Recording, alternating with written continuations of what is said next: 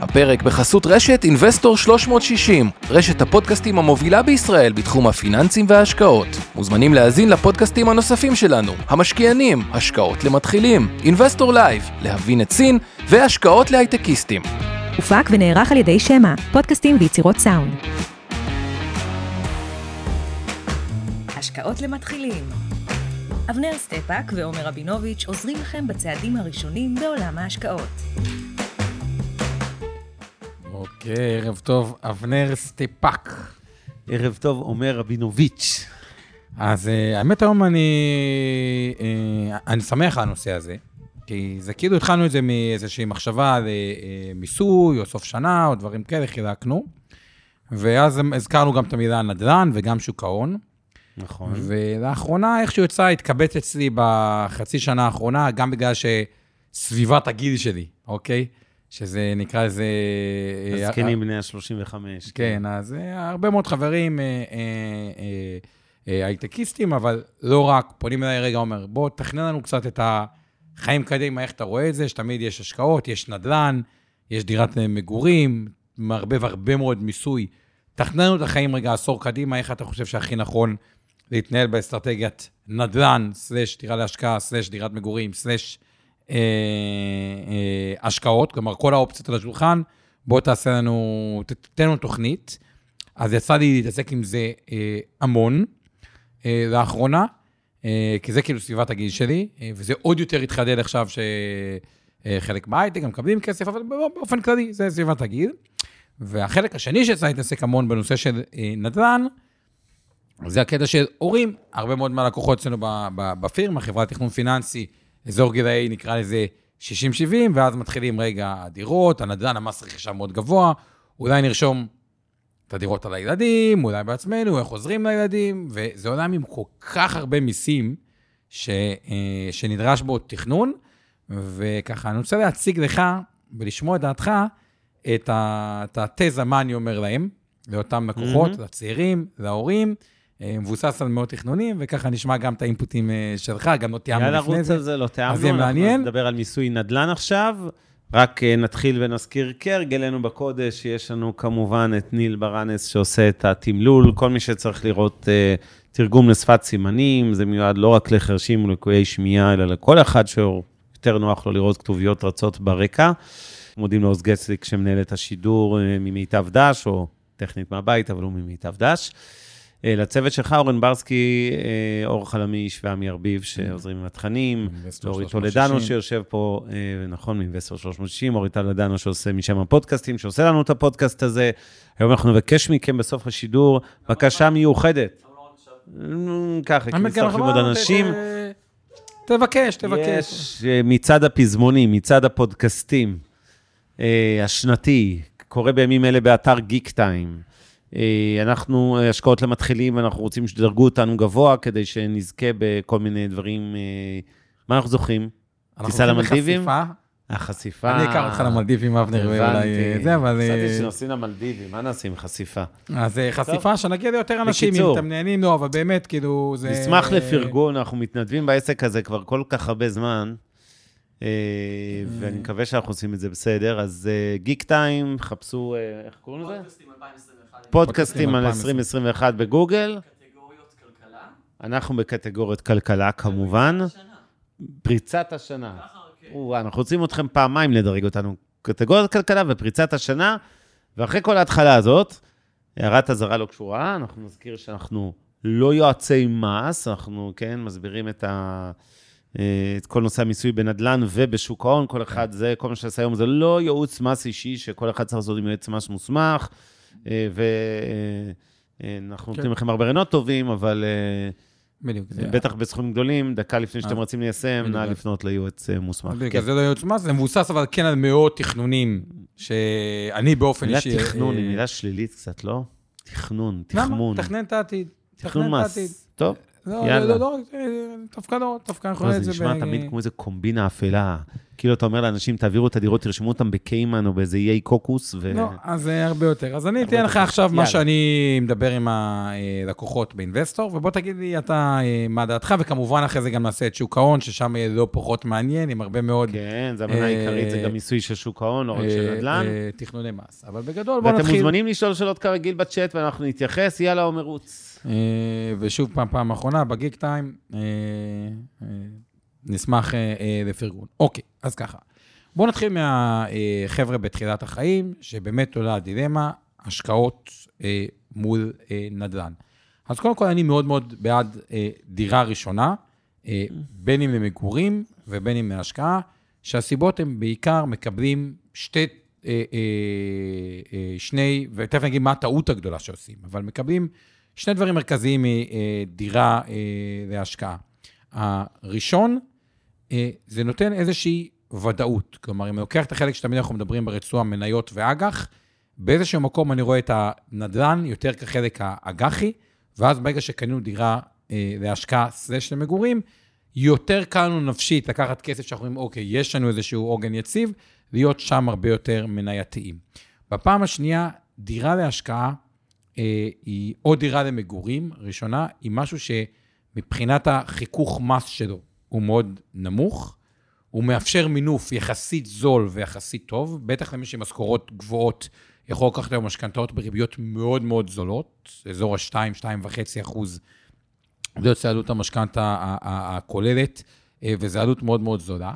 ואז מה שקורה זה, אם קנינו דירה לצורך העניין במיליון שקלים, כמובן שאין הרבה דירות במיליון שקלים, אבל זה לצורך הדוגמה דוגמה תיאורטית. כן. התיאורטית, והבאנו 250 אלף שקל מהבית, כלומר 25 אחוז, אה, והבאנו 750 אלף שקל משכנתה, 75 אחוז, על כל בעצם אחוז עליית ערך בדירה, אנחנו מרוויחים פי ארבע. כלומר, מספיק שהנדל"ן במדינת ישראל יעלה ב-2 אחוז בשנה, עשינו עסקה מאוד מאוד אה, אה, טובה. למה? בואו נראה איזה דוגמה מספרית. נגיד אנחנו מקבלים 3 אחוז תשואה על המיליון, שזה התשואה היום בדירות, אז עשינו 3 אחוז תשואה על ה-250 אלף, אה, אה, על ההון העצמי שלנו. בואו נניח שאנחנו גם מרוויחים על המינוף, כי המינוף הוא יותר זול משלושה אחוז, או שלושה וקצת אחוזים, גם נרוויח המינוף, אבל אני שם את זה בצד, אוקיי? אבל עכשיו, על כל בעצם אחוז, שזה עשרת אלפים שקלים, תחשבו, זה עשרת אלפים שקלים, מחלק ל-250 אלף שקלים, 250 אלף שקלים זה בעצם הרבע מההון העצמי שהבאנו, זה בעצם 4 אחוז. אז אם הדירה עלתה ב-2 אחוז בשנה, הרווחנו סך הכל 8 אחוז מעליית ערך ועוד 3 אחוז שכירות, זה יוצא 11 אחוז בשנה, והיפה בזה, שכשנמכור את זה, הכל בפטור מלא ממיסים, כי דירה ראשונה אה, להשקעה, כשאני מוכר אותה, יש לי פטור ממס שבח. אז היתרונות בדירה ראשונה, אחד, עם שאר הכסף, קרנות השתלמות והכסף הנזיל, יותר קל להיות מניות, כי אמרנו, יש לנו עוגן. הדבר השני, מקבלים מינוף זול, פה לקחתי מינוף 75 אחוז, שזה הרבה, אבל גם במינוף של 50 אחוז. לצורך העניין, אז שוב, על כל אחוז עליית ערך של הדירה אנחנו מקבלים 2 אחוז. אה, אז אם הדירה עולה ב-2 אחוז בשנה, הרווחנו 4 אחוז עליית, 4 אחוזים עליית ערך, ועוד את ה-3 אחוזים תשואת שכירות או את החיסכון שלנו בשכירות, זה 7 אחוזים נטו פטור ממס. דבר נוסף שהדבר הזה מעניק, זה, אה, אני קורא לזה אה, פטור מחרדות. למה פטור מחרדות? הפחד הכי גדול של מי שאין לו דירה, זה שמחירי הנדל"ן אה, יברחו לו. סך הכל אנשים בתחילת הדרך ימשיכו בחיים, לברוח. כן. אז הם צוברים כל הזמן עוד ועוד כסף. כלומר, בעיקרון, כוח הקנייה שלהם גדל, כי הם אמורים להיות בשלב שבו בחיים הם חוסכים כסף. ברור. מה הפחד שלהם? שמחירי הנדל"ן יעלו יותר מהר מקצב החיסכון שלהם. בעצם זה שהם קנו דירה ראשונה להשקעה סלש של מגורים, הם עשו איזשהו אדג' למחירי הנדל"ן. נגיד מחירי הנדל"ן לא יעלו, יישארו אותו דבר, כוח כן. הקנייה שלהם עלה, כי הם כל הזמן חסכו כסף, והם יוכלו לשדרג את הדירה בהמשך. נגיד מחירי הנדל"ן עלו, הם שמרו על כוח הקנייה שלהם, פלוס החיסכון, כלומר, הם שומרים על היכולת שלהם להישאר אה, בתוך אה, המשחק, כן. אה, אה, וזה יתרון נוסף. אז אני מאוד מאוד ממליץ על הנושא של הדירה הראשונה. אה, כמובן שאם אתם יודעים את אזור המגורים שלכם עוד יותר, כי אז זה עוד יותר אדג', מבחינת ניהול סיכונים, זה ניהול סיכונים מאוד מאוד חכם, ואז אני אגיד לך איפה הטעות הגדולה של הרבה אנשים. רגע לפני זה שאלה על מה שהסברת. יש את הנושא של הכנסות משכירות. בדוגמה, עם אותם מיליון שקלים ושלושה אחוז תשואה, שזה 2,500 שקל שכירות חודשית, כמובן, זה מתחת לרף של הפטור ממס. הרף הוא היום באזור 5,600 או משהו כן, כזה? כן. תזכיר לי. אוקיי. זה לא, המיסוי מהכנסות שכר דירה, לא משנה כמה דירות יש לך, כל עוד לא עברת. לא, לא, חכה, חכה כמה דירות, אוקיי. כי פה הטעות הזה זה. אז אני אומר, כל טוב, הדירות אני האלה. והדירה הראשונה, אגב, גם ככה, זה לא כמה דירות, מתחייב בתחילת החיים, זה דירה ראשונה, באזור אוקיי. עד שני מיליון שקלים, שתיים וחצי, דברים כאלה.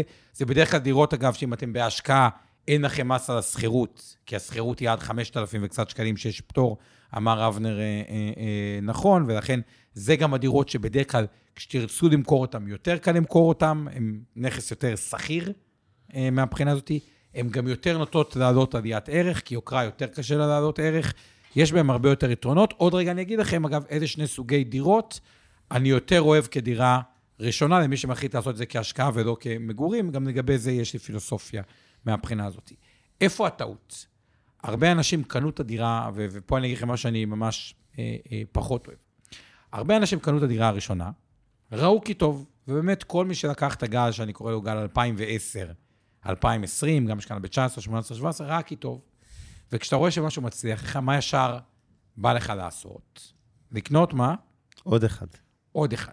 ופה מגיעה טעות מאוד מאוד גדולה, שאני רוצה להסביר לה, אה, אני קורא לזה את טעות הדירת אה, אה, השנייה טרם עת. הרעיון בדירה הראשונה, לתפיסתי, הוא לשמור על כוח הקנייה שלכם, כלומר, אם מחירי הנדל"ן יעלו, לקבל את אותו אדג'. כן, להיות צמוד למחירי הנדל"ן. להיות- כן. ולאפשר את כל, ה, את כל שאר הכסף להשקיע במניות. מה קורה בדירה שנייה? כשבן אדם קונה דירה שנייה, בדרך כלל מהתלהבות מהדירה הראשונה, הוא לא לוקח בחשבון את הדבר הבא. סביר מאוד להניח, וזה ברוב המקרים, שהדירה הראשונה שקניתם היא לא דירת המגורים הקבועה שלכם. כלומר, קניתם אותם או שהיה לכם ילד אחד, או לפני ילדים. כן, דירה שלושה. חדרים, ארבעה חדרים, עוד לא שודרג. בדיוק, אה, עוד לא חמישה חדרים, ומי שיכל להרשות לעצמו חמישה חדרים, הרבה פעמים הוא רוצה צמוד קרקע. ולמעשה, מה הוא עושה כשהוא קונה את הדירה השנייה? הוא עושה נזק על נזק. קודם כל, הוא שילם מס רכישה מאוד גבוה. בדירה שנייה, היום, המס הרכישה, גם החוק אה, אה, אה, שונה, משלמים מס רכישה מאוד מאוד גבוה על דירה שנייה. כלומר, השלוש שנים הראשונות, הוא בכלל, הוא לא מרוויח את השכר דירה, למעשה הוא שילם את זה עבור המתווך והמס רכישה, אז הוא לא נהנה מפירות השכירות. ב', הוא כלא את המס שבח. כי מה הכוונה? אחרי זה שהוא יתעורר בעוד כמה שנים וירצה להגיד, רגע, אני גר בדירת ארבעה חדרים, רוצה בכלל לעבור לצמוד קרקע, או חמישה חדרים צמוד קרקע, או ארבעה חדרים, רוצה לעבור לחמישה חדרים, כי נולדו לי שלושה ילדים, והיה לי ילד אחד, לא חשבתי על זה. עכשיו הוא כבר לא יכול למכור את הדירה הראשונה שלו. כי אם הוא ימכור את הדירה הראשונה שלו, יהיה לו מס שבח. כלומר, נכון. את כל הרווחים העצומים שצברתם, בעצם הם, קלעתם אותם. כן, ואז יש פה בעיה. מצד שני הוא אומר, רגע, את הדירה השנייה, אני גם בכוח יכול למכור, כי מה, אני יצאתי טיפש, אם אני עכשיו רק קניתי אותה, שילמתי איזה מס רכישה 8 אחוז, ועוד מתווך, ועוד כל החיכוך, ועורך דין והכול, עברו שלוש שנים, גם מחירי הנדל"ן יעלו ב-8 אחוז, לא עשיתי בעצם כלום. וגם יהיה לי מס שבח. כלומר, הטעות הגדולה ביותר היא אחרי רכישת הדירה הראשונה, היא לקנות דירה שנייה. אוקיי. מתי כן אפשר לקנות את הדירה השנייה? אוקיי, כלומר, התכנון הזה לצעירים הוא צריך להיות ככה. דירה ראשונה, כל הכסף לתפיסתי בהשקעות, אפשר גם להיות יותר מנייתיים, כי זה סוג של אג"ח, ואז מחכים עם. דירה שנייה, אוקיי? ברגע שמכרנו את הדירה הראשונה, חילצנו את כל הרווחים שלנו בפטור ממס שבח, קנינו אז את בית המגורים העיקרי העיקרי שלנו האמיתי והקבוע שלנו. האמיתי שלנו, איפה שנשתקע למהלך תקופה ארוכה, עם בית המגורים האמיתי שלנו, בעזרת ההשקעות הכסף אה, אה, שצברנו, אבל עכשיו יש לנו כבר את הבית מגורים הקבוע שלנו, שאמור לשרת אותנו בעשור הקרוב. ו- שלא ישודרג כנראה, שכנראה ולכן לא אנחנו יודעים ישודרג. שאנחנו לקנות את הדירה הבאה. השלישית, ואז- נקרא לזה להשקעה. אה, לא, יפה. ואז, ואז ניתן לקנות אולי דירה להשקעה, שוב, מחירי הנדל"ן יקרים, אפשר להתווכח אם זה עדיף מהשקעות. אבי כותב פה מלא הערות חכמות ברקע, עוד מעט שבח, נתייחס. יש את המס שבח, את המס רכישה, סופר אבל יקר. אז נהנים מטורף. מ-5,000 שקל פטור ממס, אז לפחות אין לנו מס על השכירות. והרעיון הוא, אוקיי, שלמנו את זה חד פעמי, אבל זה סופר לטווח הארוך, וכבר כנראה לא נשדרג את בית המגורים המרכזי שלנו. לגבי דירה שלישית, אני שם אותה רגע בצד, כי זה פחות רלוונטי לחלק מהאנשים. אז זה לגבי החבר'ה הצעירים, אני אה, מעודד אותם. למה, הצעירים בקלות קונים פה שלוש דירות, למה אתה אומר שזה לא רלוונטי? זה רלוונטי לכולם. תמיד הערכתי את חוש ההומור של אבנר סטפאק. סטפאק, את הדברים האלה. אוקיי, עכשיו רגע, שנייה. עוד רגע כן, איזה דגש קטן. אני צובר, אני צובר אה, עצבים, עוד איזה כן. אה, דגש... עוד מעט אני אה, אצא אליך, אל תדאג. קטן אחד, אוקיי, כן. לגבי הנושא של דירות להשקעה, שאני הרבה פעמים, אוקיי, הבית מגורים הראשון שלי, או דירה להשקעה, כי ברגע שמבינים שכנראה הדירה הראשונה שאנחנו קונים, היא לא הבית מגורים העיקרי שלנו, אלא הטבעי, דירה להשקעה. כי אנחנו קונים איזושהי דירה להשקעה, נשדרג, או שזה דירה למגורים זמנית, ואז אומרים לי, אוקיי, אני כבר רוצה למקסם את זה אה, כמה שניתן. ואז אפשר לבחור את אחת משתי הגישות. גישה אחת, אני הרבה פעמים אוהב אה, דירות ישנות באזורים של אה, פינוי-בינוי, דברים כאלה, כי בדרך כלל, ככל שעובר הזמן, יש איזשהו אפקט של עליית ערך למובטחת, כי יש יותר חתימות בפינוי-בינוי, אם זה מתחם שלם, נגיד אח שקטן, אה, מצאתי לו דירה בפתח תקווה, יותר נכון, אה, אה, הוא מצא עם פינוי, מתחם פינוי-בינוי, אז אפקט הזמן פועל אה, לטובתכם. וכמובן, אם כבר הגענו לפינוי-בינוי, אז כמובן עליית ערך, וגם אם לא, יש איזשהו אפקט זמן. הדירה השנייה שאפשר לחשוב לקנות אותה, היא אה, דירה על הנייר, ששם יש יתרון אחד, אה, לא צריך להביא בהתחלה הרבה כסף מהבית, כלומר, יש איזשהו אפקט מנוף, כי בדרך כלל אומרים לך, תשלמו 20 עכשיו, אחוז 20 אחוז עכשיו, ובסוף את ה-80 אחוז, גם זה זמן לצבור הון. רק לשים לב לדבר הבא, שהוא דבר קצת אה, טריקי, הפטור ממס שבח בדירה יחידה, אה, הוא רק אה, אה, 18 חודשים מיום הטופס 4, או שאתם גרים. כלומר, מי שקנה דירה ראשונה על הנייר, נגיד שלוש שנים זה על הנייר, או ארבע שנים זה על הנייר, רק אחרי זה עוברים 18 חודש, ורק אז אפשר למכור את זה עם הפטור ממס שבח, כלומר, זה מהלך שהוא קצת יותר אה, אה, ארוך. אה, יש בעיה מסוימת, אה, אז זה מהבחינה הזאתי. אה, לגבי דירות במגדלים, אני אתייחס לזה, יש איזה כאילו איזושהי נקודה. אני רק רוצה להזכיר, אנחנו- אנחנו הבנתי. אנחנו בקבוצה ש... בוא נגיד, מאפיין מהותי, שהרבה מהצופים והמאזינים שלנו עכשיו זה חבר'ה צעירים לא בגיל 35 פלוס, לקנות אה, דירה במגדלים, ושלוש דירות, ושתי דירות, אתה יודע, לא, זה לא, קצת... לא שלא, אה, דירה ראשונה, דירה ראשונה. הרבה אוקיי, גם, פעמים... גם הדירה הראשונה, לא נעים להגיד, במציאות של מדינת ישראל אה, בואכה 2022, זה כן, אבל חלום פה- רטוב שנייה, ופנטזיה אבל- מרוחקת אבל- מאוד שנייה, אבל- מ-90% אבל מהצעירים. רגע, אבל פה נכנס עוד אה, אה, נקודה, שהיא נקראת אבא ואימא. אז אני לא לגמרי מסכים איתך, כי הרבה לא הורים... לכל אחד יש, אבל מי שאין, בסדר. נכון, נכון, נכון, אבל מתחילים יותר. בקטן, אז אז דירה יותר קטנה. אוקיי, אחרי זה אני רוצה להתייחס לפן השני אז רגע, של לי- הנושא של הורים, ילדים, בדיוק את הנושא הזה.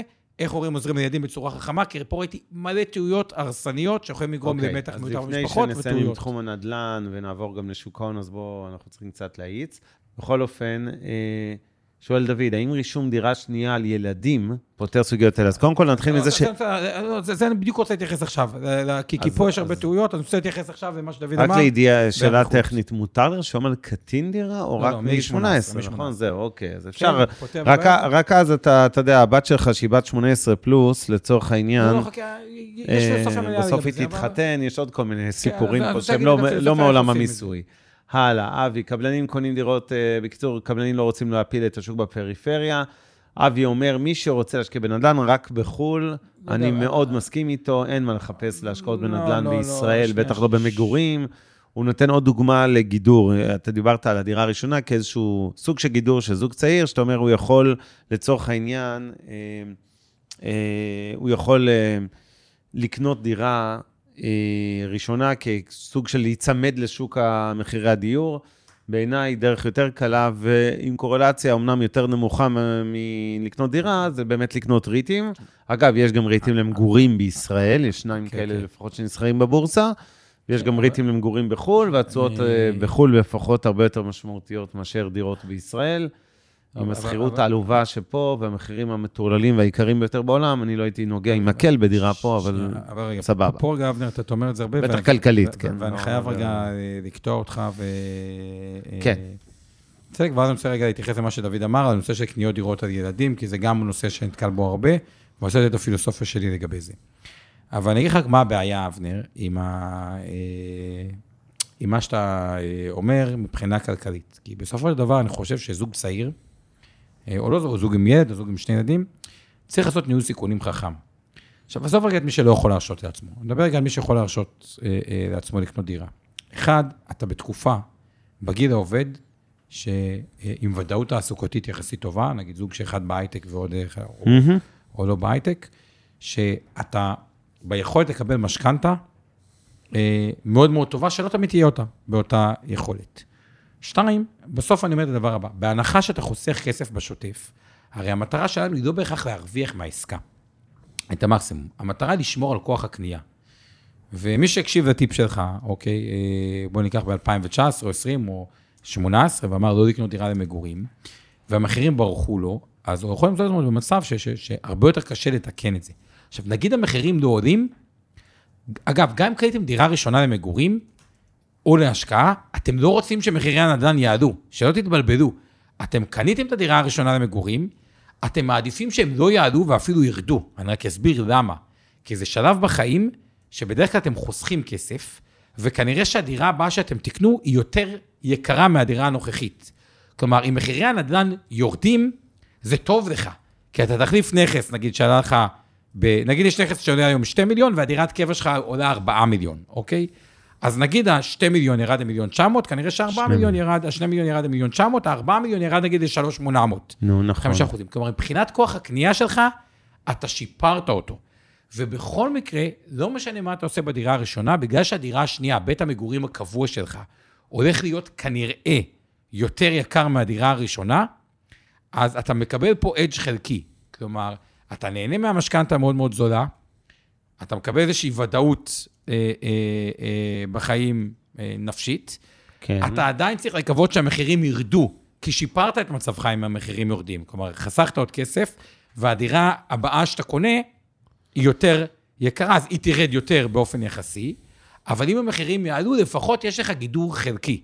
ומבחינת ניהול סיכונים, אבנר, ה- אני ממש לא מסכים איתך, אני חושב שזה אה, צעד מאוד מאוד נכון, מה גם שאתם צעירים, באיגוד לדורות ההשקעות, יש מספיק זמן לבוא, לחקור, תמיד יש דילים טובים, או בדירה על הנייר עם איזושהי הנחה וכו'. אני רוצה רגע לעבור להערה לדירות, אה, אה, הנושא של הורים ילדים, כי זה עוד כן, נושא מאוד... דבר. אה, אה, אוקיי, אז בואו נדבר. עכשיו, התחום השני שאני רואה אותו הרבה, ההורה בא, יש לו כבר דירה, שתי דירות, אומר, דווקא הבורסה גבוהה, בוא נלך הפוך. כמו שהנדל"ן גבוה, הוא אומר, הבורסה גבוהה, עשיתי מלא אה, רווחים, והוא רוצה לקנות אה, אה, דירה. אבל מה, אני... בכל זאת, אנחנו חיים בתוך עמנו. מה, אני פראייר? אני באמת אשלם 8% מס רכישה? ואז שאני אמכור את הדירה, אני אשלם מס שבח? לא, אני אקנה דירה על הילד. אה, וזה לגיטימי, כאילו אתה חוסך את ה-8%. הילד הלא קטין שלנו, שהוא בן לא קטין, 18 בן ומעלה, כן. 18, ופה יש הבדל בין ילד בן 18 ל-24 ל-30. ויש פה הרבה סיבוכיות, אבל בואו נפתור את הסיבוך אחד-אחד. הדבר החשוב ביותר, ושוב, כל אחד ייקח ייעוץ משפטי, אה, עצמאי, כאילו משפטי, הוא בשום פנים ואופן לא לעשות את הפעולה הזאת בלי הסכם הלוואה. כי אני אגיד לכם רגע מה הבעיה, מה הרבה הורים עושים, ואיפה מכניסים את עצמם ואת הילד שלהם לבעיה מאוד מאוד קשה. הוא קונה דירה לילד בצורה חכמה, חסך את המס רכישה, אוקיי? לצורך העניין, הדירה עלתה מיליון. אתה דוגמה, חוסך עוד משהו כלשהו חוץ. ממס ואת רכישה? המס שבח. אוקיי, אני קניתי דירה בתל אביב, אוקיי. קנו ההורים לצורך העניין אה, דירה על שמי, אגב, באמת אה, אה, קרה, אוקיי? אה, עלה לי בתל אביב מיליון וקצת שקלים. אה, באיזה שנה זה היה? 1974? לא, מה זה? 2011, דירה בתל אביב, 12, מיליון שקלים. מצאתי, כן, יפה, כן. מיליון ומשהו. רחוב הקונגרס, עבר אה, אה, שמונה שנים, נמכרה בשתי מיליון. עכשיו, שתי. מצבים. אחד, ההורים שלי עשו הסכם הלוואה, נגיד, וההורים שלי לא עשו הסכם הלוואה. בוא נראה, אוקיי, אגלה לך בסוף מה הם עשו. אם הם לא עשו הסכם הלוואה, באים ההורים בצדק, רגע, זה בכלל עסקה שלנו, תביא את הכסף. עכשיו, זה שם את כולם בסיטואציה לא נוחה. למה? ההורים, באמת, אני מסביר להם, אתם, מה אתם, זה, זה, זה עסקה פיקטיבית. כלומר, אם במהות הכלכלית הבאתם מתנה לילד, מכרתם את הדירה, אתם מבקשים את השכירות בשוטף, אז התקבולים הלכו אליכם, ואתם מבקשים גם את הרווח אליכם. למרות שכל אחד בטוח שהוא נאור, והוא צווארון לבן, והוא שכיר, והוא לא זה, זה ההגדרה של עסקה פיקטיבית. כלומר, בשלב הזה, כאילו, יש בעיה מאוד קשה להחזיר לכם את הכסף, כי מס הכנסה יגידו, בבקשה, תשלמו מס 8%, מס רכישה, הבנתי. שמעו את המס שבח, ובואו נפשפש לכם את כל החיים אחורה, מה עוד אם עשיתם אתה עכשיו מתחילים. בעצם אומר להורים האלה, חבר'ה, אל תעבדו עלינו, העסקה עבדתם שעשיתם. לפני שבע שנים, היא- היא זה עסקה שלכם. בדיוק. יפה. איך נמנעים מהמבוכה הזאת? עושים הסכם הלוואה, עושים הסכם הלוואה, אבל לא הסכם הלוואה אחרי שבע שנים. הסכם הלוואה מראש. מראש. שמה הוא אוקיי. אומר ההסכם הזה? עדיף בנוכחות הוריונית. נגיד קנית דירה במיליון שקלים. ואז קנית דירה במיליון שקלים, קח מיליון שקלים בני היקר, או בתי היקרה, אני נותן לכם הלוואה צמודה למדד, אוקיי? ואז עם ריבית גם? אה, אם ההורה רוצה להיות יותר? אגרסיבי, אוקיי, משא ומתן בין ההורה לילד. הילד גם לא חייב אוקיי. להסכים, אוקיי. אני ממליץ לא לעשות את זה עם ריבית, אני ממליץ לעשות את זה רק עם הצמדה או משהו כזה, מהסיבה הבאה. כשאתם עושים את העסקה הזאת, אוקיי, אתם גם באיזשהו מקום פוגעים בילד. למה? יבוא אחרי זה תוכנית שיכון למשתכן, ואז אשתי באה אליי, עומר, ההורים שלך יכולים לבוא, דפקו אותנו. עכשיו, אין לנו מחיר למשתכן. ואם תיאורטית הם עשו עסקה, שבה ההלוואה היא נושאת, היא אה, נושאת ריבית גבוהה, או צמודה בכלל למחירי עליית הנדל"ן, מה שעוד פעם עושה איזה קצת עסקה פיקטיבית, בעצם בת הזוג של הילד, אם הוא מתחתן, ותכף ניגע בזה, יכולה לבוא ולהגיד, רגע, פגעתם, וזה הכניס אה, מתח אה, אה, אה, אה, מיותר.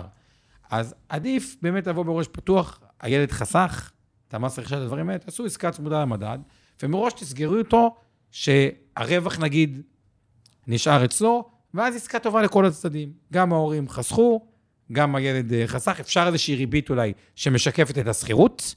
צמוד מדד עם השכירות זה כאילו לגיטימי. אגב, אבל הריבית בין הורים לילד לא צריך לשלם מס, נכון? זאת אומרת, ההורים שמקבלים ריבית מההלוואה של הילד לא אמורים לשלם על זה כלום, נכון?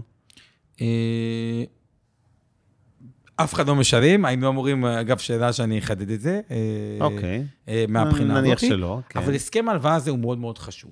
ואז אני מחלק את הילדים ל... אה, אגב, הוא חשוב מבחינות לא קשור למיסוי גם. בסוף הילדים האלה, שקנו להם בגיל 18, הם כבר בני 25-30, הם מתחתנים, הם נכנסים לזוג לתמונה, לא. ואתה רוצה לחזק את העניין הזה נכון. שהדירה היא במרכאות של ההורים. עוד פעם, עוד פעם, עוד פעם, עוד פעם, עוד. פעם, לא- לא לא, להגיד לא. את זה, היא לא של ההורים. לא, לא, אני מבין, אבל- שהקרן שההלוואה היא של ההורים, צריך להיות מדויק. בסדר. נכון, ואז פה יש רק איזשהו משהו קטן שהוא כאילו חשוב. ההמלצה שלי על ילדים, גיל 18 עד 26, 7, 8, 27, עוד בסדר. עבר את גיל 28, אבוד. עזבו, תוותרו, כי זה מתחיל להגיע גיל חתונות, ולילד זה מכניס לחץ נפשי, רגע, עכשיו אני מתחתן, אז מה, אני צריך, והסכם ממון, ולא הסכם ממון. וכן, והכנסתם לתוך הזוגיות העתידית שהוא צריך לבנות עם הבן או בת הזוג, הכנסתם מתח, כמובן פגיעה אוקיי, במחיר אבל בוא, אנחנו למשתכן, לא יוצא נישואים, אז שהוא, בוא... הוא, הוא, הוא, הוא, כל מה שאני אומר, יכול להוביל למתח מיותר. וגם אם אתם עושים את זה בגיל כזה, כדי לחסוך את הטירוף הזה של המס רכישה, שאני מבין, אז לעשות את זה עם חוקיות ותיאום ציפיות מאוד מאוד ברור. כלומר, אומרים לו, תקשיב, אתה מקבל את ה... אני נותן לך הלוואה לדירה, זה הדירה, הרווח הולך אליך, זה מתנה שלנו כבר לחתונה, אוקיי? מצפים, אגב, שאתה מתחתן, אה, שיהיה ציפייה מראש, תמכור את הדירה, תחזיר לנו את הקרן, ואתם כזוג שמתחתן תישארו עם הרווח, אבל לנסות אה, למינימום ציפיות ילדים הורים, היו לי לא מעט מקרים, אה, וגם אני חוויתי את זה על בשרי באופן אישי, שזה אה, יכול לייצר, אה, ומלקוחות, אה, מתח אה, לא בריא, מתוך כוונה טובה, ושלא עשו את זה עם, אה, אה, עם תכנון נכון, אה, אז יכול להיות בעייתי. אז בואו נסכם. אני, אני רק רוצה להתייחס להערה חשובה של אבי, והוא צודק, מלבד הסכם ההלוואה, רצוי שתהיה גם הערת אזהרה על הדירה לטובת ההורים, כי תאורטית, ברגע שהדירה היא לילד, הילד גם יכול סתם למכור אותה מתי שהוא רוצה. אם זו הייתה כוונת המשורר, לתת לו באמת מתנה, אלא במהות, במרכאות, הדירה הזאת היא דירה להשקעה של הורים, אז אתם גם רוצים לוודא שהוא כן, לא פה- ימכור לך אותה. כן, אבל, אבל פה זה נוגע לנקודה אה, אחרת, שאני כאילו דווקא לא בהכרח מסכים עם אבי לגמרי, אבל פה? כל אחד שיקח, כי, כי, כי אני אסביר.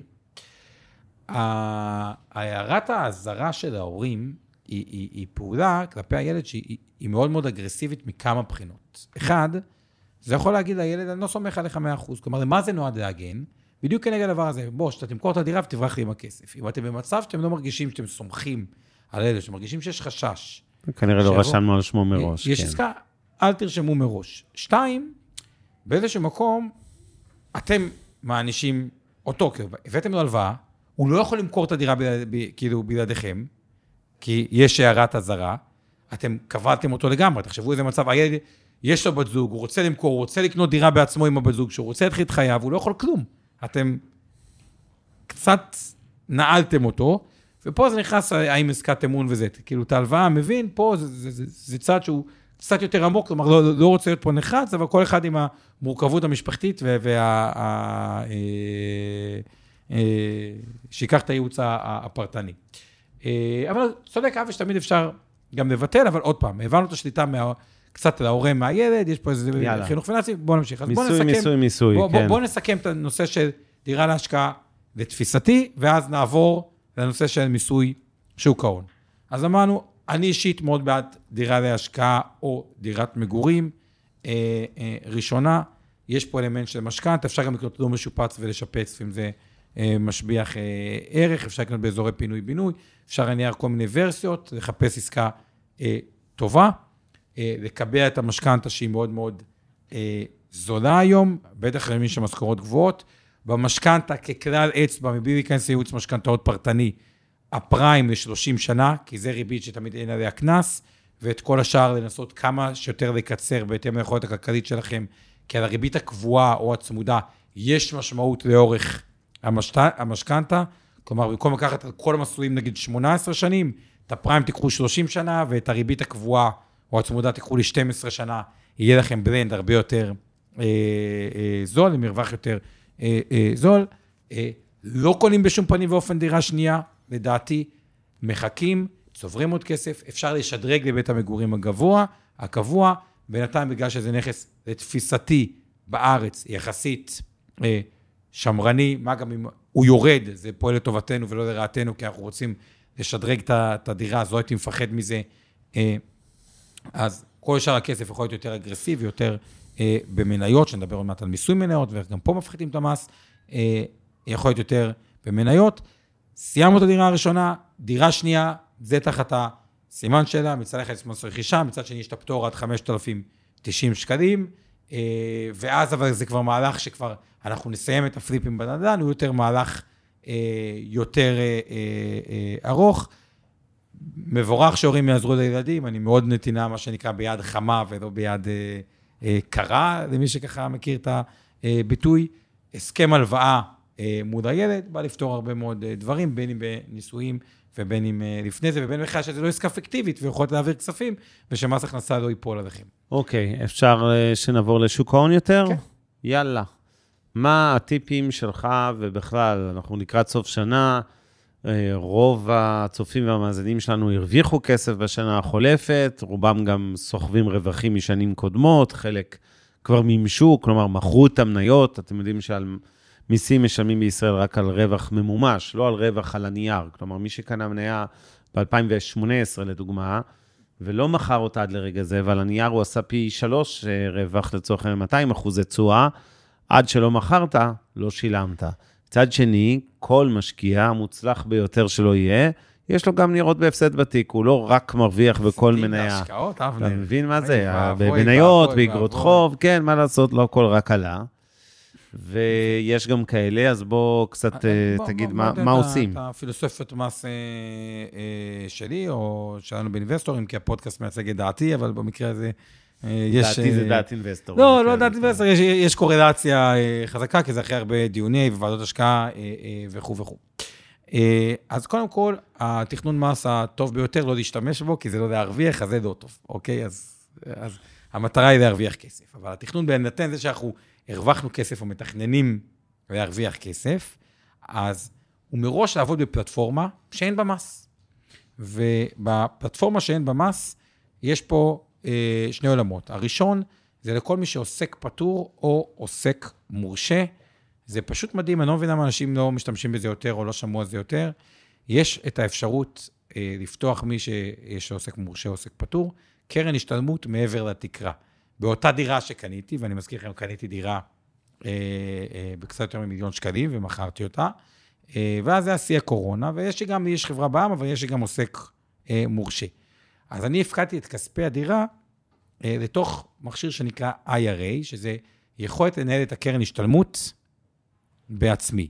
ואז את כל הניירות שאני קניתי, ובמקרה גם קיבלתי את הכסף בשיא הקורונה שיצא נחמד, את כל הניירות שקניתי והרווחתי עליהם, כשאני מוכר אותם, כמה מס אני משלם?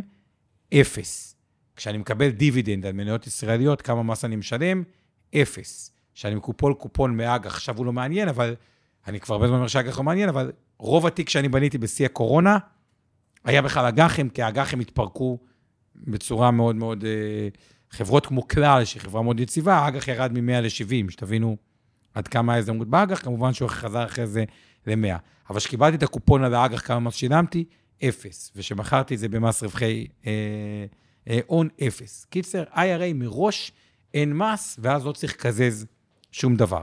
אז זה נכון לגבי כל מי שיש לו עוסק מורשה או עוסק פטור. המקסימום שאפשר להפקיד למכשיר המדהים הזה הוא כ-5.3 מיליון שקל, מי שרוצה להיות מדויק, טיפה יותר. אה, אני אישית פתחתי את זה במיטב, זה לא איזה פרסומת וזה, אבל זה מה שקרה ברמה... מיטב לא משלמים מיסים. זה מה שאני עשיתי כן. אה, אה, מהבחינה הזאת. אוקיי. מהבחינה הזאת, אבל יש שני גופים מרכזיים, מיטב והפניקס, בגדול להכיר את זה, אני עשיתי את זה במיטב. וההורים, כי דיברנו על הצעירים כמו הדירה הראשונה, או למי שיש עוסק מורשה, עושה עוסק פטור, אה, אז אה, יש את אותו תרגיל בדרך כלל, לרוב הם זכאים אליו, אני מדבר פה לא רק על גילאי 60 ומעלה, גם על 50 לפעמים, 55 אה, וכו', תחת תיקון 190 IRA. תיקון 190 IRA למי שרוצה בעצמו. תסביר טיפה, כי אנחנו... אז אני אסביר, זה קודם כל IRA זה אתם בוחרים את המניות בעצמכם. IRA זה חשבון מנוהל שאתם מנהלים, אה, זה Independent Retirement Account, שאתם מנהלים לעצמכם. זה כן. העתק של מודל אמריקאי, שבן אדם אומר, אני לא רוצה שמיטב דש תנהל לי, או כל גוף אחר, אני רוצה לנהל לעצמי, אני רוצה לקנות את המניות בקופת הגמל או קרן ההשתלמות שלי, אתם יכולים לפתוח אה. מסלול IRA, מן הסתם דמי יותר זולים, כי אתם מנהלים לעצמכם, יש עמלות מהמכירה, כן. ועכשיו תמשיך. תחשבו על זה כמו טרייד של מיטב, רק בלי עמלות קנייה... אה, לא, בלי עמלות, עם עמלות, אה, זולות. לא, לא, לא בלי עמלות קנייה, כן. בלי מיסי אה, אה, אה, הון. אז קודם כל עוסק מורשה, עוסק פטור דיברנו, ומי שיש לו פה עם אה, עוסק מורשה, עוסק פטור, ויש שאלות ספציפיות, תרגישו חופשי. עכשיו בואו נדבר רגע על מי שאין עוסק מורשה, עוסק פטור, שזה הרוב. אז יש לנו נושא של תיקון 190. מה תיקון 190 בא ואמר, אוקיי? והמחוקק בעצם בא ואמר, אני רוצה לעודד אנשים לחסוך לפנסיה, אתן להם שתי הטבות. הטבה הראשונה זה שמי שיפקיד, שהוא גם לפני גיל 60, גיל 40, גיל 50, גיל אה, אה, 55, שאם הוא יפקיד כסף, בינתיים יש לו דחיית מס, ודחיית מס שווה המון המון כסף, אגב, אינטואיטיבית יותר ממה שאנשים אה, אה, אה, חושבים. ואז הוא יגיע לגיל הפנסיה.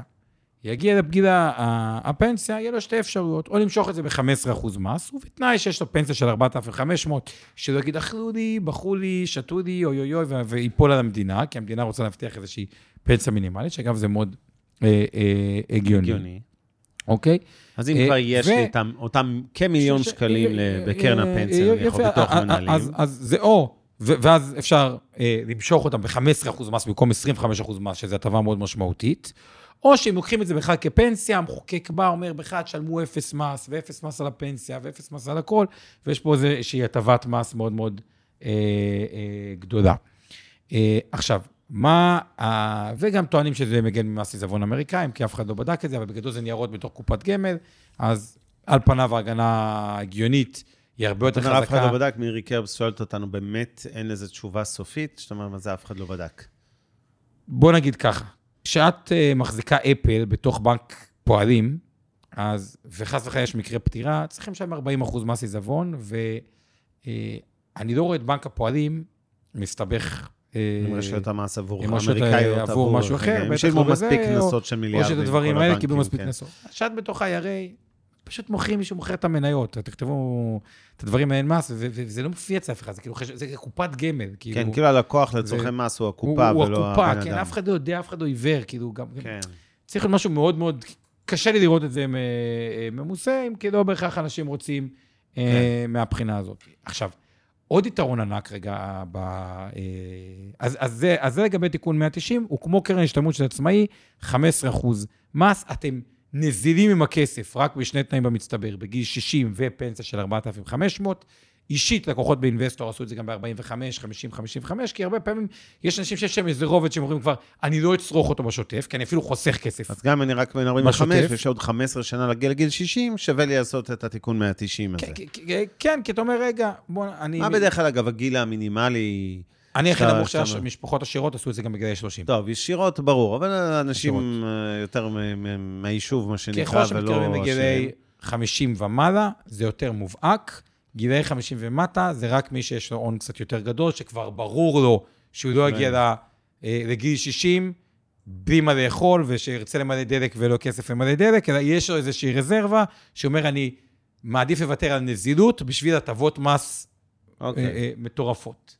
אה, אה, מהבחינה אה, אוקיי. הזאת. אז זה לגבי תיקון 190. עכשיו, מה יפה בשני הפלטפורמות האלה, תיקון 190 וקרן השתלמות מעבר לתקרה, ואז אני אתייחס לתרגילים של מי שאין לו איזה כספי חברה או כספים פרטיים, למי שלא כן. מתאים לתיקון 190 ולמי שלא מתאים לקרן השתלמות מעבר לתקרה. אגב, אני לא עובד מיטב, שזה יהיה ברור. כן, כן, כן. אינבסטור, היא חברה לתכנון כן. פיננסי, יש לה. תכנונים. אני מקדם פה את ה-IRA, אבל על פי חוק אסור לקבל תגמול מה-IRA, בגלל זה אף אחד לא מקדם את זה, אוקיי, כי... כן, ובכלל, חבר'ה, גם. השאלות בצ'אט, אנחנו לא פה אז- מסע פרסום למיטב, יש אבל- אה, אבל- שישה אבל יצא- שחקני IRA, אנחנו רק אחד מהשישה, כן, יש הפניקס לא, ואחרים, ו- וסלייס, ולא זוכר לא, מי לא, עוד. אתם חשוב, והפניקס מותר לי להגיד, אתה אמרת. המרכזים. הלאה, כן. אוקיי, אבל רק, אה, המטרה שלנו זה לתכנן, אבל זה יוצא כן. שאני זה, אבל אה, רק אמרתי את זה, אוקיי. אבל... אז מי שרלוונטי שימוש, לו... שנייה, אמרתי את זה המון שימוש, ואפשר אה, אה, כמובן שאלות. עכשיו בואו נדבר רגע, רגע, מה מה על- עם גמל להשקעה באותו הקשר? אני מדבר רגע על מי שרוצה ניירות ערך להתעסק בעצמו. כלומר, מי שרוצה אוקיי. מניות בעצמו, אז ה-IRA, מי שיכול הוא פתרון טוב. עכשיו, מה עוד יותר זה מגן? תחשבו על ניירות ערך אמריקאים. הרבה אנשים אומרים לי 25% מס, אבל הם לא באמת שילמו 25% מס שקלי. תחשבו על מי שקנה היום, סתם דוגמה, אמזון, ובואו נניח שאמזון השנה עלתה 10%. ובואו נניח שהשקל ירה, יתחזק ב-5%. אז מי שימכור את אמזון בבנק או בטריידים למיניהם, אה, זה לא משנה עכשיו אם זה מיטב טרייד, אקסלנס טרייד, IBI טרייד וכו' וכו' וכו', הוא בעצם ישלם מס דולרי של 25 אחוזים, אבל הוא ישלם מס שקלי של 50 אחוז. למה שקלית הוא הרוויח, כלומר, מ-10 אחוז, נגיד היה לו 100 שקלים, והוא הפך להיות עם 110 שקלים, על ה-10 שקלים הוא ישלם 25 אחוז מס. זה אומר 2.5 שקל, למרות ששקלית הוא הרוויח רק 5 האמריקאי. שקלים, כן, כי הם לוקחים את המס הדולרי. ברור. עכשיו, למי זה יכול לעבוד גם הפוך, שנייה, סתם שנייה, דוגמה שנייה, אקראית. שנייה, שנייה. עכשיו, למי שמאמין בתזה שהשקל הוא מטבע בסך הכל טוב ובריא, אוקיי? אז בקרן השתלמות יש שתי יתרונות, אגב, גם בתיק, בתיקון 190 קודם כל יש את היתרון הכי גדול, 15% מס ולא 25% מס, אז בהגדרה הפחתנו 10% מס. אבל גם בקרן השתלמות, אתם משלמים קודם כל את ה-25% שקלי. כלומר, בהנחה שאתם חושבים שהשקל מתחזק, המס שלכם אה, פוחת. כלומר, או שאתם מחזיקים כן. דולרי, אתם משלמים יותר מ-25% שקלי. אבל בנוסף גם מקבלים את הגנת האינפלציה. כלומר, לצורך העניין, בשנה כמו השנה, שהאינפלציה הייתה סביב נגיד 2%, אוקיי? כן. אז אם אמזון עלתה 10%, והשקענו דרך הקרן השתלמות, אז קודם כל הרווח השקלי שלנו הוא 5%. אבל זה ספציפית השנה, זה יכול להיות הפוך שנייה, אבל אז ננקה גם. את האינפלציה, אז הרווח שלנו הוא 3%. אז המיסוי על 25%, ועכשיו תראו את השוס הכי גדול. את הדבר הכי מדהים, שאנשים מבינים אותו, אבל הוא באמת פתחו אוזניים, תוציאו. דף ועט קחו דף ותרשמו. ועט, ובאמת תרשמו את הטיפ כן. הזה. עכשיו, מה יפה? הגעתם לבנק, או לטריידים למיניהם, הגעתם למסקנה שאתם רוצים למכור את אמזון, תשלמו את המס עכשיו. וב-IRA יש דחיית מס, אבל בואו נניח שאתם צריכים את הכסף עכשיו. כלומר, אתם באמת צריכים את הכסף עכשיו, אתם לא קונים כי אתם לא צריכים. שימו לב למה יפה ב-IRA. אם אתם שמתם בו 100 שקלים, בואו ניקח מיליון שקלים, לא יודע, אני חושב תמיד במיליונים יותר קל לי, אבל... כן, יותר קל לך, קצת פחות לא, רלוונטי לחלק אה, גדול אז מהזה. בוא ניקח 100 אלף שקלים. כן, בוא נניח 100,000 ששמתם 100 אלף שקל, שקלים, וה-100 אלף שקלים אה, הפך להיות 110 אלף, 100 ו... 110,000 110,000 שקלים. על הנייר, הרווחתם 10%. הרווחתם 10,000 שקלים. עכשיו, אם אתם מכרתם את הנייר, את כל המס. עכשיו, אם אתם ב-IRA, אוקיי, מכרתם את זה, ואז אומרים, רגע, אני צריך את הכסף ומשכתי את ה-10,000 שקלים. יבוא מס הכנסה, ומה הוא סגר מול מיטב? סגר. זה החוק, זה לא... כן, אה, אה, זה. הוא רואה את זה כאילו המשיכה שלכם היא 90 אחוז קרן, כי שמתם אה, אה, באופן 100,000, יחסי, כן. באופן יחסי. כלומר, על 9,000 שקלים מתוך ה-10,000, כמה מס נשלם? אפס. ועל האלף נשלם את המס. ועל האלף, רגע, ינקו את האינפלציה, ואז נשלם על זה 25 אחוז מס. כלומר, נשלם על האלף 25 25 שקלים. כן. שקלים מס, על רווחים של 10,000, שזה 2.5, בהנחה שהאינפלציה היא אפס, אוקיי? כן. אה, אני מתכוון להגיד 250 שקלים על אלף, שזה 25 אחוז, וה-250 על 10,000 זה 2.5 אחוז מס. כן, 2.5 אחוז מס וה-9,000 בשוטף. היו כלומר, פטורים ועל 1,000 אפשר. למשוך רווחים במס מאוד מאוד נמוך, ושוב, אם השקל מתחזק זה יהיה עוד יותר נמוך, אם יש אינפלציה, זה יהיה עוד יותר נמוך. כלומר, אוקיי. מניתי את כל הסיבות בעולם, למה לנסות בתכנון נכון, ומוזמנים להיעזר גם באינבסטור 330, או מתכננים ודברים האלה, מי- מי- מי שרוצה, איך לעשות פחות. עכשיו, בואו נניח שאתם לא יכולים, אין לכם עוסק מורשה, אין לכם עוסק פטור, לבת זוג שלכם אין עוסק מורשה, אין עוסק פטור, אתם לא מעל גיל 50, וזה כן בתיקון 190 או קרוב לתיקון 190, לא רוצים לשים את הכסף בנזילות, ואתם מהקבוצה הזאת שאי אפשר שום דבר שמאפשר את המיסוי האולטימטיבי, כלומר, כנראה שאתם באחד הטריידים למיניהם, כדי להוציא את בבנק, מהבנק, כן. או בבנק, אוקיי? רק תשים לב לשעון, כי יש לנו ערימה. של שאלות להתייחס ואז אליהן היום. אני אומר דבר ערימה. הבא. כן.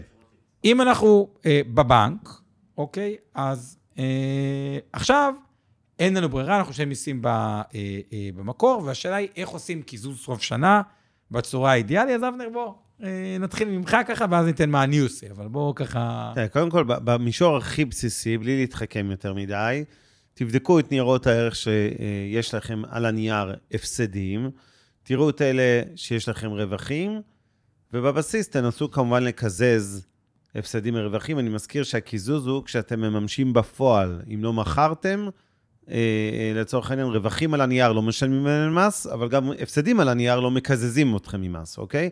עכשיו, צריך להפריד בין פעולות שהן נו- נו- נולדו לשם אה, חיסכון במס, וכמובן הן חוקיות ולגיטימיות, לבין אה, למכור נייר, סתם כי אתם אה, נמאס לכם ממניה מסוימת וחושבים שזה מיצה את עצמו ואתם רוצים למכור. אז אני מתעלם מהצד עכשיו של שיקולי השקעות ומדבר נטו על מס. כי בשיקולי השקעות יכול להיות שאתם עכשיו תמכרו מניה מסוימת שיש לכם רווח על הנייר, תקזזו מול הפסד ממניה אחרת שאתם מוכרים.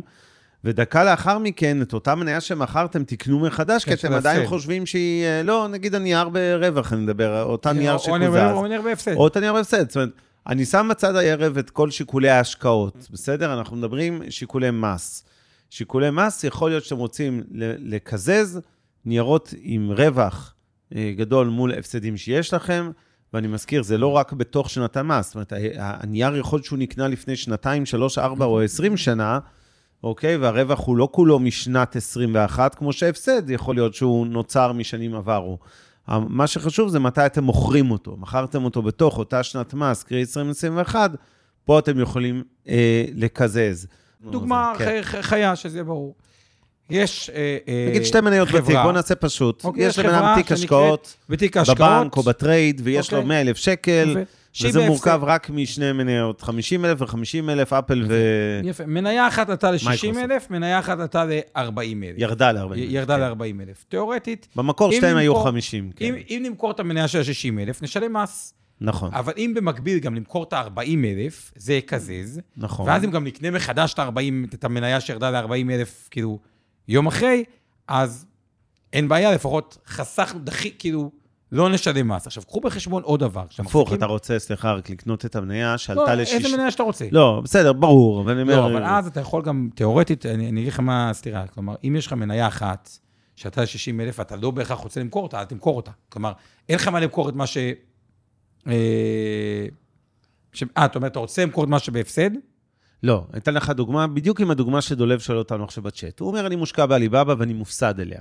נניח לצורך העניין שהוא מופסד עליה, הוא קנה אותה לפני שלוש שנים והוא הפסיד, סתם לשם הדוגמה, 10,000 שקלים, מניית עליבאבא, זה עדיין הפסד על הנייר. הוא לא מכר את המניה, היא בתיק שלו עם הפסד של 10,000 שקל. אבל יש לנו מניות אחרות בתיק שהן מורווחות. הוא יכול עכשיו לקחת מניה שהוא קנה במקור ב-50,000, היא עלתה ל-60,000, כלומר הוא מורווח נכון, ב-10,000 למכור שקלים. את שניהם. למכור את עליבאבא ואת המניה הזאת באותה שנה, כלומר, נניח בעשרה ימים הקרובים עד סוף אה, 21, נכון. ולצורך העניין, נוצר לו רווח ממומש בפועל של 10,000 שקלים מאותה מניה שעלתה מ-50 ל-60 אלף שקל, ויש לו את ההפסד, הוא קיזז. עכשיו הוא קונה, שנייה לאחר מכן, או יום למחרת, או באותו יום, כן, דולב, מותר לקנות דקה אחרי זה, אין שום בעיה, זה לא נחשב חלילה איזה עבירה. אתה תקנה מחדש את אותה מניה, דווקא זאת שהרוויחה, זאת שעלתה מ-50 ל-60, ובעצם רף הבסיס למיסוי שלך עכשיו מתחיל מ-60 אלף, בהנחה שהמניה תמשיך לעלות, ולא מה-50 אלף שבמקור אה, קנית אה, אותה. אבל אני אגיד לכם מה קורה יותר פעמים, אוקיי, שזה השימוש העיקרי. תחשבו על זה, אתם לאורך השנה, בדרך כלל, היו מניות שעלו חזק וכבר מכרתם אותן. כלומר, כבר ניכו לכם מס. כן, כאילו, זה מה שקורה ברוב הפעמים. כלומר, קניתם ניירות, נכון, רוב האנשים מכרתם אותם, והגעתם לסוף שנה אחרי שניכו לכם מס, או שסתם קיבלתם דיבידנד ממניה ישראלית, לא יודע, בזק לדוגמה, נתנה לכם דיבידנד, הופ, slash, אתם לא דרך ה-IRA, ניכו לכם מס. אוקיי, אז אתם כבר במצב שכבר שילמתם מס. ואז צריך לעשות ואז תיאום. בדרך כלל, מה שאני אומר, בהנחה שמכרתם מניות ברווח, והשנה הייתם, כלומר, רוב המניות היו ברווח. רוב האנשים רוב האנשים השנה, ברווח. יש להם כרגע אז- הפוך. אז, עוד- אז בדיוק, אז בסך הכל לוקחים, כן. לוקחים את המניות המפסידות, וזה בדרך כלל מה שאני אומר, כי נקודת המוצא שלי, זה בדיוק הדוגמה שהוא שלאורך נותן לנו עכשיו. בדיוק. כי אני מעליבאבא, הוא רוצה יפה. לקנות אותה בזול, יפה. כן, אין שום בעיה. ואז, לקנות דקה יפה. אחרי ואז, את עליבאבא מחדש. מוכרים את המופסדות כדי להזדכות כבר על המס נכון. ששילמנו. רק צריך אוקיי? רגע, רגע, ש- הערת תזרים. 11 חודשים בין ינואר לנובמבר או ל-20 לדצמבר, מכרת מניות שונות, רובם היו ברווח, אוקיי? מימשת רווחים, גבו לך מס. עכשיו, בעשרה ימים האחרונים, אתה אומר, רגע, מתחילת שנה לקחו לי מס, סתם אני ממציא, 10,000 שקלים, בגין כל מיני רווחים שהיו לי. עכשיו אני רוצה למכור מניות בהפסד, נכון? כדי לקזז מס שכבר שולם. אז מתי אני אראה את המס הזה? אה, קודם כל, שאלה אה, אה, טובה לגבי התיאום מס וה- וה- והרמה הטכנית. אה, בדיוק שתי- כמו שתמיר ברגר מה? אה, מעיר. הבנק אה, לא מקזז אחורה, יפה, אתה חייב אה, להגיש דוח למס הכנסה ולעשות אז תיאום מי מס. שמגיש דוחות, אחלה. מי שלא מגיש דוח, אוקיי, או ה-867 המפורסם, או... ה- בוא, בוא נסביר רק כאלה. ש-867 יש זה איזה טו- כן. יש איזה טופס בבנק נקרא 867 לצורך תיאום מס. זה טופס אבל- שנתי שמראה את כל ה... תמיר ואומר, רגע, אני בדיוק הפוך, אני, אני אין לי שום... לא רוצה, לא מגיש תיאום מס, לא כלום, לא את הדברים האלה. אז, אז פה אפשר דווקא ללכת לרעיון הפוך. קחו בראשון הראשון, כן, תמכרו את המניית עליבאבא המופסדת לצורך כן. העניין, כן. אוקיי? יש לכם הפסד מס עכשיו צבור, תקנו אותה ישר מחדש, ואז כל מה שתמכרו ברווח, לא תשלמו עליו. כן. אז אה, יש דברים. עכשיו, אם אתה עצמאי, אבל למה שבן אוקיי, אדם יפחד? אני חייב להעיר ל- לכולם פה. חבר'ה, גם מי לא, שעצמאי אבל זה לא, נכון, הם שנייה, מעירים אם אתה לנו... עצמאי, לא. אם אתה עצמאי, מי זה שכתב את זה. מי שעצמאי נו, וצריך לקזז, אני מאוד כועס עליו. אני אומר את זה עם חצי חיוך. למה? בוא תגיד לי אתה, ומי כותב את זה? ברח לי כן. השם. לא כותב. רואים, כן. אם יש לך עוסק מורשה, עוסק פטור, בוא תגיד לי אתה, מה התכנון המס הכי טוב? מי שככה... מי שעקב אחרי המפגש, שיודע תגיד שהוא מלכתחילה לא היה אמור להשקיע את הכסף הזה בבנק או נכון, ב trade, אלא מה- היית צריך לעשות? רגע. רגע, בוא, בוא, תכתוב אתה פה. קיצר, מראש, בדיוק, IRA, רוני. יפה, יפה. כן. עוד פעם תזכיר על גיק טיים. גיק טיים, זה זמן טוב להגיד לכם שיש ברגעים אלה תחרות מצד הפזמונים, נקרא לזה, של הפודקאסטים, ומדרגים פודקאסטים בכל מיני תחומים וכולי, ואנחנו רוצים את העזרה שלכם. כל השנה אנחנו עובדים פה בחינם, אה, מנסים לעזור ולתת אה, מחשבות, עצות, רעיונות וכולי. אז הנה ההזדמנות שלכם לעשות פעולה קטנה שתחזיר לנו, כי אנחנו צריכים את הקרדיט הזה שם בתחרות. חפשו גיק טיים, פודקאסטים 2021. יש שם אה, פודקאסטים לפי קטגוריות, לא צריך לבחור בכולם. אנחנו תחת כלכלה, חפשו השקעות למתחילים, זה הפודקאסט שעכשיו סיימנו. פרגנו לנו שם ונעלה בדירוג. אה? וגם בפריצת השנה. אה, כן, ופריצת השנה, זה כאילו תגלית השנה, הצמד, עומר רבינוביץ' את אבנר סטפאק, גם שם תנו לנו אה, אה, לייק, ואז אה, אה, יש סיכוי שנזכה בכלום ושום דבר, אבל עדיין זה חשוב. אה, יותר תודה. אנשים יזכו לשמוע את זה, אם אתם אז חושבים שוב, שזה חשוב. חפשו גיק טיים, ג' י' ק' ט' י' י' מ', פודקאסטים, או פודקאסט 2021, ושם יש את הבחירה של הפודקאסטים, ותבחרו אותנו, ותודה רבה לכם. השקעות למתחילים, אני מזכיר, זה השם שלנו. והמתקדמים זה סטפאק רבינוביץ', או משקיענים, אז אה, משקיענים. משקיענים יותר קל לכתוב. אה, תודה רבה רבה. אוקיי, אנחנו חייבים לעבור. אה, אוקיי. אז אנחנו עכשיו מסיימים באיחור, אבל כי היה חשוב נורא את המפגש הראשון שלנו, של השקעות למתחילים, עוברים למשקיענים. תודה לכולכם, לילה לילה טוב. מעוניינים ללמוד יותר על עולם ההשקעות? האזינו לפודקאסטים נוספים שלנו. המשקיענים, אבנר סטפאק ועומר רבינוביץ' בתוכנית אקטואלית עם כל מה שחם בעולם ההשקעות. Investor 360 Live, אורן ברסקי ועומר רבינוביץ' מארחים את בכירי שוק ההון ומבינים את הטרנדים החשובים לשנים הקרובות. להבין את סין עם יובל ויינרב, עם כל מה שרציתם לדעת על הענקית מהמזרח. השקעות להייטקיסטים עם צח איציק, שיבנה איתכם תוכנית כלכלית להגשמת החלומות שלכם, והפודקאסט ההשקעות למתחילים, לכל מי שעושה את צעדיו הראשונים בעולם ההשקעות.